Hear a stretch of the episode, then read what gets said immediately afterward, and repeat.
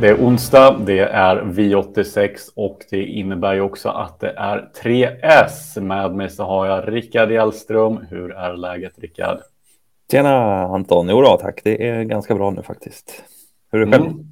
Ja men tack, det är fint. Vi, ja, extra fint blir det när de tipsen går så fint här i 3S som de har gjort nu.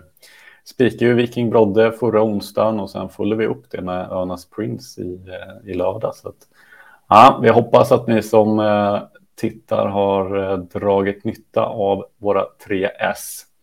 Vad säger du om kvällens eh, omgång då, Rickard?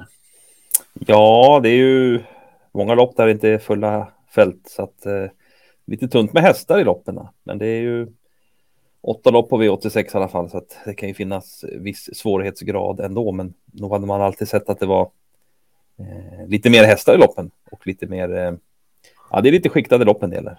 Mm. Ja, men vi har ju hittat eh, fina rubriker ändå. Vi ska väl gå in på den första nu som är spiken.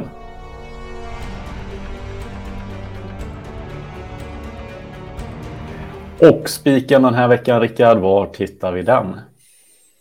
Ja, vi går ut hårt direkt. Vi eh, tar V86 1. Där har vi nummer ett, La Radja Wreithout. Eh, en eh, häst som ju har fått väldigt fina förutsättningar ikväll. Eh, tidigare under året så vann han ju bland annat på väldigt fint sätt under Elitloppshelgen. Det sprang ju 9-6 då. Så att ja, det är en väldigt... ruskig prestation. Ja, väldigt snabb häst. Sen har det strulat lite under sommaren och eh, kom tillbaka nu efter lite uppehåll, gjorde comeback och eh, i sin förra start då, då och vann ju väldigt lätt får man säga ändå från spets. Eh, tog emot lite sista biten, men hästen hade inte startat på ett tag. Det var dessutom medeldistans och eh, ja, då eh, är ju kortdistans ikväll ännu bättre. Eh, hade ju spår rätt då senast där i när han gjorde comeback då. Öppnade ju bra från början och svarade ut Global Agreement ganska lätt. Och har faktiskt haft spår ett tre gånger tidigare i Sverige och eh, spetsat varje gång då bakom startbilen. Eh, och har ju dessutom tagit alla sina vinster från spets här i Sverige så att det är ju mm, väldigt fina förutsättningar. Det eh, ser ut som att ja, han borde ju ha bra spetschans. Det är kort distans och eh, han blir nog svår att besegra från ledningen här som det ser ut. Så att det är en befogad stor favorit, men eh, ja, vi, vi tror att han vinner loppet så att vi mm. får börja med en spik där helt enkelt. Precis, du var inne på det, de 69 procent som han är eh, sträckad till när vi spelar in det här. Är det, är det rimligt att, att han ska ligga i de trakterna tycker vi? Ungefär där. Vi har väl satt 65 procent segerchans på honom där, så att den ligger väl något högre. Men eh, de här stora favoriterna brukar kunna dippa något i alla fall, så att ja, kanske landar runt där 65 procent eller något. Och det är ungefär vad vi tror att han eh, ska ha i segerchans, så att det är väl en, en bra uppgift. Så att, nej, eh, kort distans och spets och så vidare. Där. Nej, det blir nog svårt att besegra honom. En bra spik med andra ord, nummer ett, Laradja Wrightout i V86. Ja. Det är som det ska vara, spikarna ska vara bra. Precis. Rickard, vi ska gå vidare till eh, skrälloppet nu.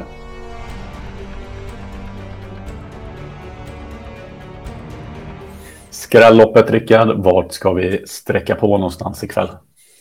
Ja, det var inte ja, helt lätt att hitta skrällopp ikväll. Det är ju som jag sa lite skiktade lopp och eh, det finns ju tre, fyra hästar i en hel del lopp som känns ganska starkt där. Men vi har till slut fastnat för V86 7. Eh, där vi tycker att det finns framförallt en intressant skrällhäst. Mm, vem är det då? Ja, vi tar den direkt i nummer fem där, Chatti Kronos, som ju ja, visat eh, bra kunnande för eh, i kullen och framförallt i fjol. Då. I år har det väl inte stämt riktigt lika bra. Hon är faktiskt utan eh, årsseger än så länge. Men det har sett bättre ut på, på sistone där. Eh, hon var ju ute och gjorde ett bra lopp i Storchampionatskvalet eh, för tre starter sedan där hon gick väldigt bra, kvalade in till finalen där det tyvärr blev galopp. Sen var hon ute, stod där kval här nu på Jägersro och ja, satt ju andra spår då in på upploppet i andra ytter där och fullföljde bra eh, bakom eh, vinnande Glorious Rain där och Isabel Cash som gick till final. Då, så hon kom inte vidare till finalen där, men avslutade runt 9,5 sista 400 och det var med bra fart över mål. Och, ja, men hon är ju kraftigt på gång och Johan Untersteiner har ju eh, lyckats rätt bra med hästen tidigare. Har ju faktiskt vunnit en gång på, på tre försök och senast var det ju bra intryck där över mål på henne. Så att, ja, vi tycker att hon som nu är strax under 10 procent är ju en, en spelvärd häst i det här loppet. Vi ser att nummer 10, On Fleur Miras, är eh, favorit här från sitt bakspår, 34 procent. Ska hon vara favorit i loppet? Ja, eh, både ja och nej. Det är ju en väldigt snabb häst det där också och bra, men har inte riktigt stämt på sistone. Startgalopp näst senast och förra gången hamnade ju helt eh, snett på det. Så att, att hon blir betrodd är inte så konstigt. Hon har gjort väldigt eh, ja, många fina lopp tidigare. Då. Men det är ändå bakspår på Åby och så och eh, vi har ju faktiskt eh, tippat en annan häst etta i loppet. Det är ju nummer eh, eh fyra där, LaFerrari Demange, som vi eh, tror skulle kunna komma till ledningen här och eh, med lopp i kroppen så skulle det kunna hålla hela vägen då. Men vi eh, hoppas ju ändå att fem Chatty Kronos ska ställa till med skrällen här då. Men eh, så att eh, ja, vi, vi, hade väl förordat att LaFerrari Dimanche skulle eh, vara mest betrodde lopp. loppet. Bra, vi tar och sträcka på med ett gäng streck i V867 då, så hoppas att det är där som skrällen kommer den här veckan. Och från skrällar till chasningar har det blivit dags för nu när vi ska gå över och se vad vi ska chasa bort.